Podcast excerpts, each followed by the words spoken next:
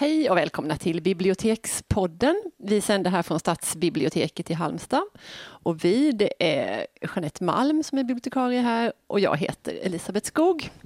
Och idag har vi ännu en gång finbesök i vår studio och det är Sara Beischer som är här. Och jag har lust att säga att du är en av de nu verksamma författarna som bor i Halmstad som vi är extra stolta över. Passar det bra? Vad fint. Ja, det låter ju jättefint. det gör mig glad. Mm. Två böcker har du hunnit ge ut, eller hur? Mm, det mm. stämmer. Vill till vi börja med att du berättar lite om dina böcker? Mm. Eh, den första boken heter Jag ska egentligen inte jobba här och kom ut 2012 eh, och handlar om Moa som flyttar upp till Stockholm från en liten stad för att hon ska bli skådespelerska. Men hon behöver ett jobb och hamnar slumpmässigt på ett äldreboende. Eh, och till en början vill hon bara därifrån men sen till slut så vet hon inte riktigt vad som är viktigast, att förverkliga sina skådespelardrömmar eller att faktiskt vara kvar inom äldreomsorgen. Mm. Jag kommer ihåg när den boken kom, för ja. det på något vis kändes det som att den var väldigt rätt i tiden, för plötsligt mm. såg man dig där i morgonsoffan med ja. Marianne Rundström. ja. ja. För det var mycket diskussioner om, var det Carema-debatten? Ja, precis. Det hade varit en riktig skandal där eh, bara någon månad innan mm. boken kom ut. Mm. Boken kom faktiskt ut tidigare. Överallt står det 2012 januari, men eh, den kom ut i handeln december 2011 därför att det blev sånt tryck på förlaget när det hade mm. varit en sån här skandal då. Hur så kändes det att få den uppmärksamheten? Oh, ganska oväntat ja, kan jag ju tänka mig. Jag tyckte det var ganska läskigt. Ja. Alltså, på ett sätt var det ju roligt för att jag hade ju slitit och skrivit och, och, utan att ha några som helst garantier. Jag visste ju inte ens om den skulle bli utgiven naturligtvis.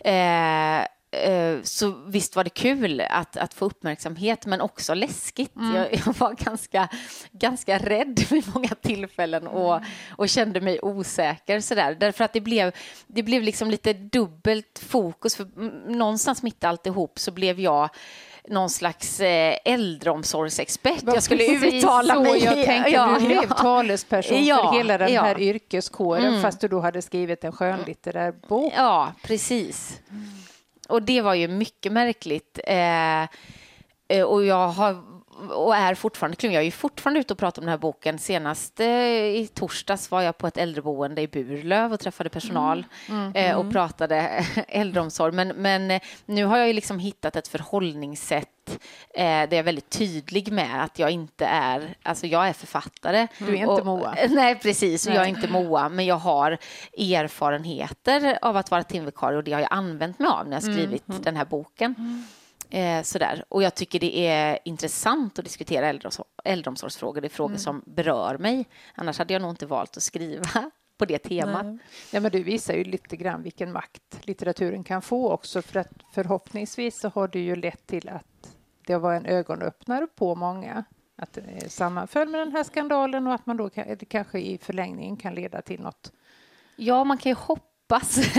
Det är ju eh, fint att kunna bidra till det. Ja, alltså eh, det jag sett i alla fall att det har, har eh, boken är liksom ett väldigt Ja, det har blivit ett diskussionsunderlag i många sammanhang. Mm. Mm. Och, och, det, det är ju fantastiskt att litteratur kan, mm. kan bidra till, till liksom en diskussion som egentligen rör eh, samhälls, aktuella samhällsfrågor. Sådär. Ja, jag kan inte komma på något annat exempel där det har fungerat så? Inte så här på rak arm, nej. nej. Men det, fick, det var liksom en liten chockstart för dig i alla fall? Ja, det, var det kan man absolut säga. Ja. ja. Helt klart. Men mm. hur började egentligen alltihop, det här med skrivande?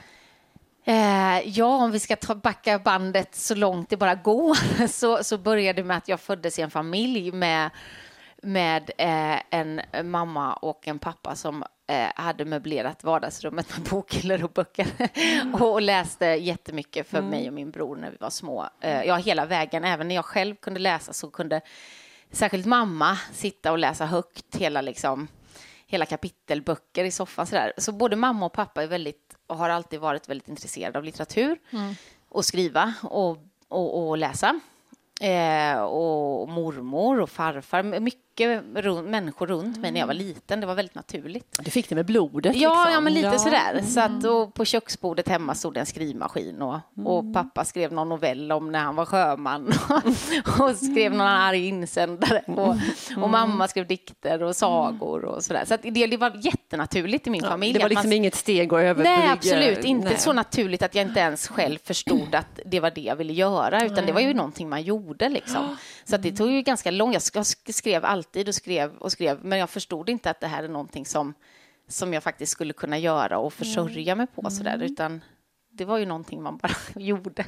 Det är verkligen raka motsatsen till vår förra veckans gäst, Kristoffer Karlsson, då, som också är Ja. en väldigt framgångsrik eh, Hallandsförfattare som växte upp i ett hem där läsning inte var någonting som Ah, man sysslade med. ah. Det inte fanns andra- böcker, man nej, hade an, andra... Andra kulturella yttringar ja, och men Ja. musik var och liksom sådär. inte... Nej, vad intressant. Eh, Så hans väg till eh, läsningen och skrivandet det var ju, skedde ju via bokbussen, berättade han. Ja, vad fint. Ja.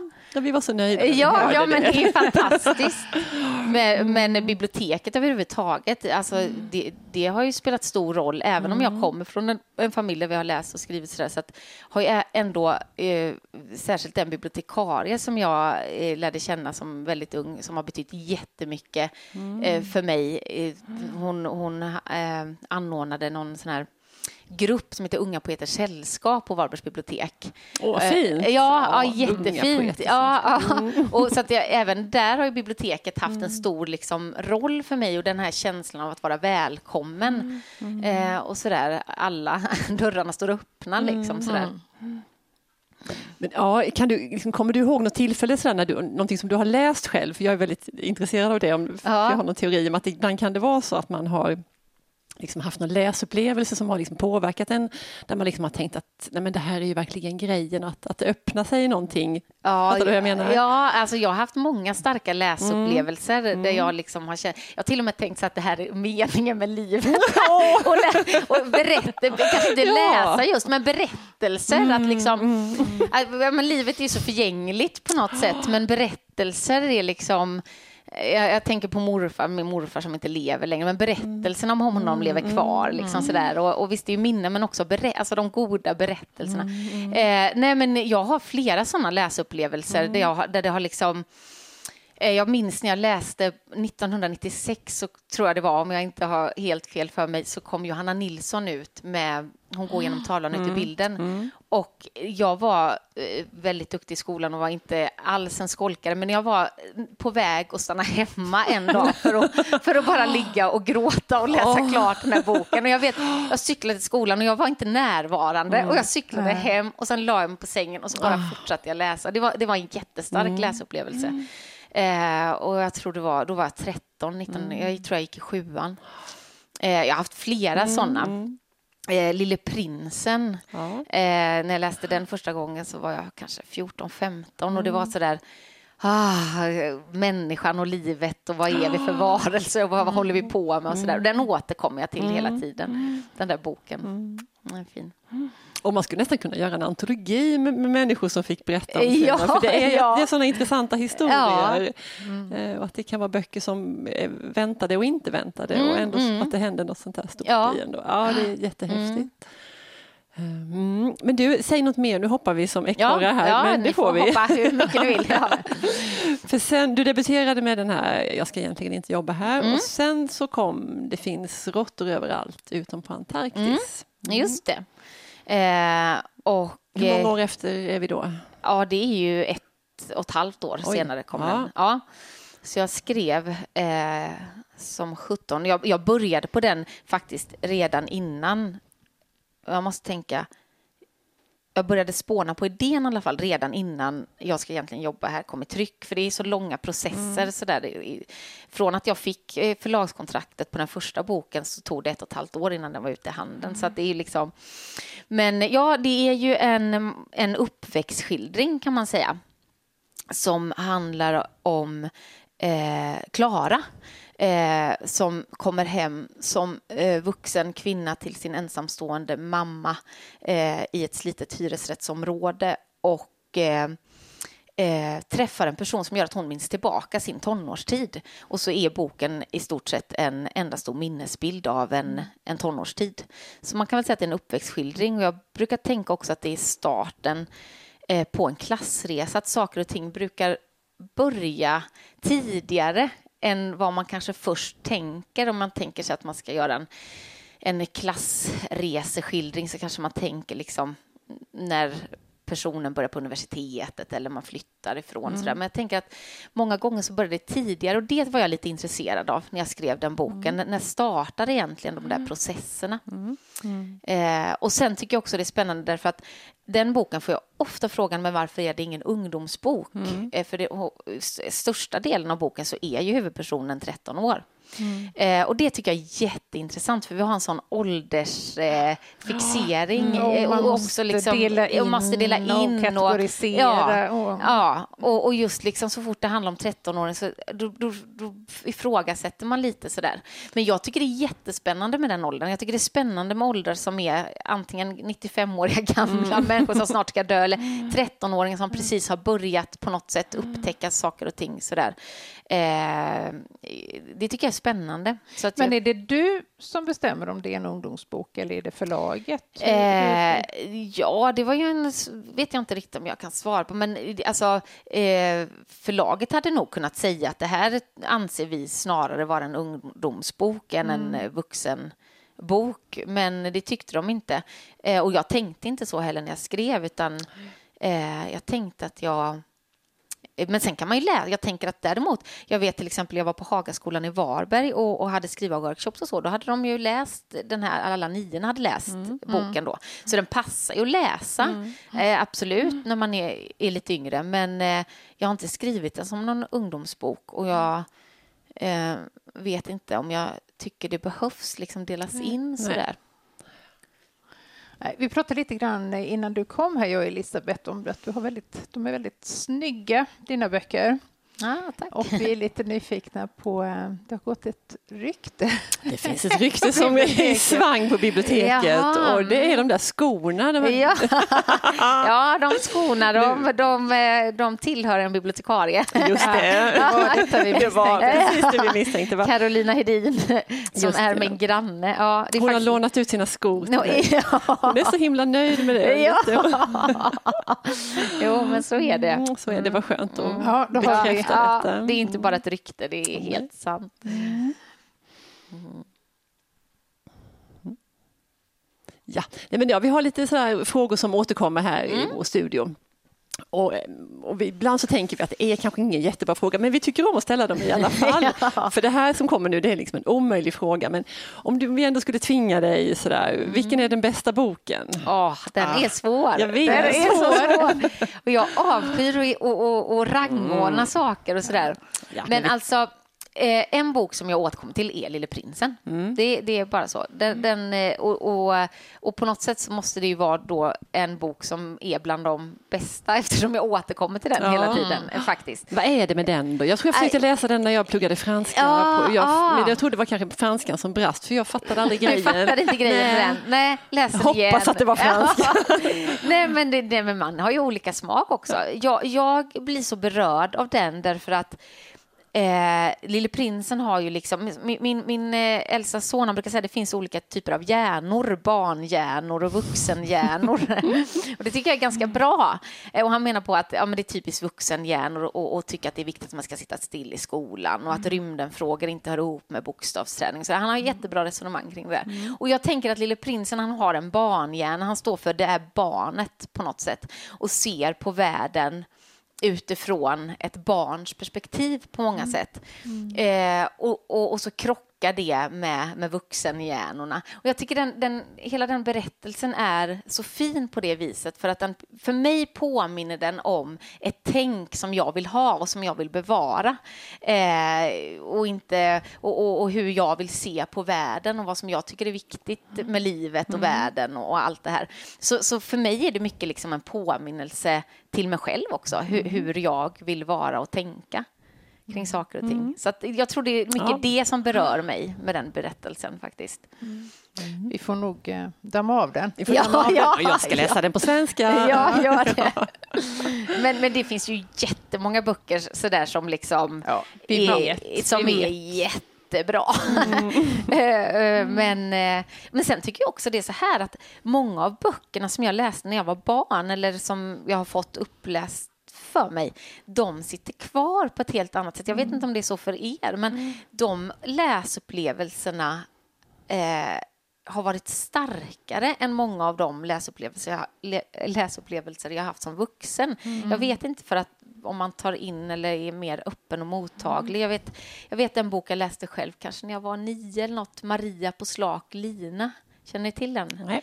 Jag kommer inte ihåg författaren, men det, det var en sån där, det var magi när jag läste den. Och, det, ja, och den har jag velat läsa om, men jag vet inte om jag vågar läsa om den. Nej, för det är ett riskprojekt att göra det, ja. Minnet av den berättelsen är så fantastiskt fin. Så att, eh, ja, många av böckerna jag kom, kommer tillbaka till, som jag tänker på som starka läsupplevelser, som bästa böcker och sådär, det är ofta liksom böcker jag läst tidigt. Jo, men det är nog svårt att toppa en sån upplevelse som Ja. du hade med Johanna Nilsson. Ja, hon ja, men precis. talen. Ja, det, ja. det är ju få böcker som skulle få en att Ja, bli så... stanna hemma från jobbet Ja, ja, eller ja, ja, man är så mottaglig tror jag när man Ja. är en viss ålder och saker och ting blir så där magiskt på något sätt. Liksom. Det kunde ju vara spännande att gå en, ett varv runt torget för att tänka om han dyker upp och det är liksom magi att gå över Varbergs torg. Så är det ju inte längre liksom att saker och ting kan bli så där jättespännande som man... Ja. Men du, när du skriver, Mm. hur, hur gör du?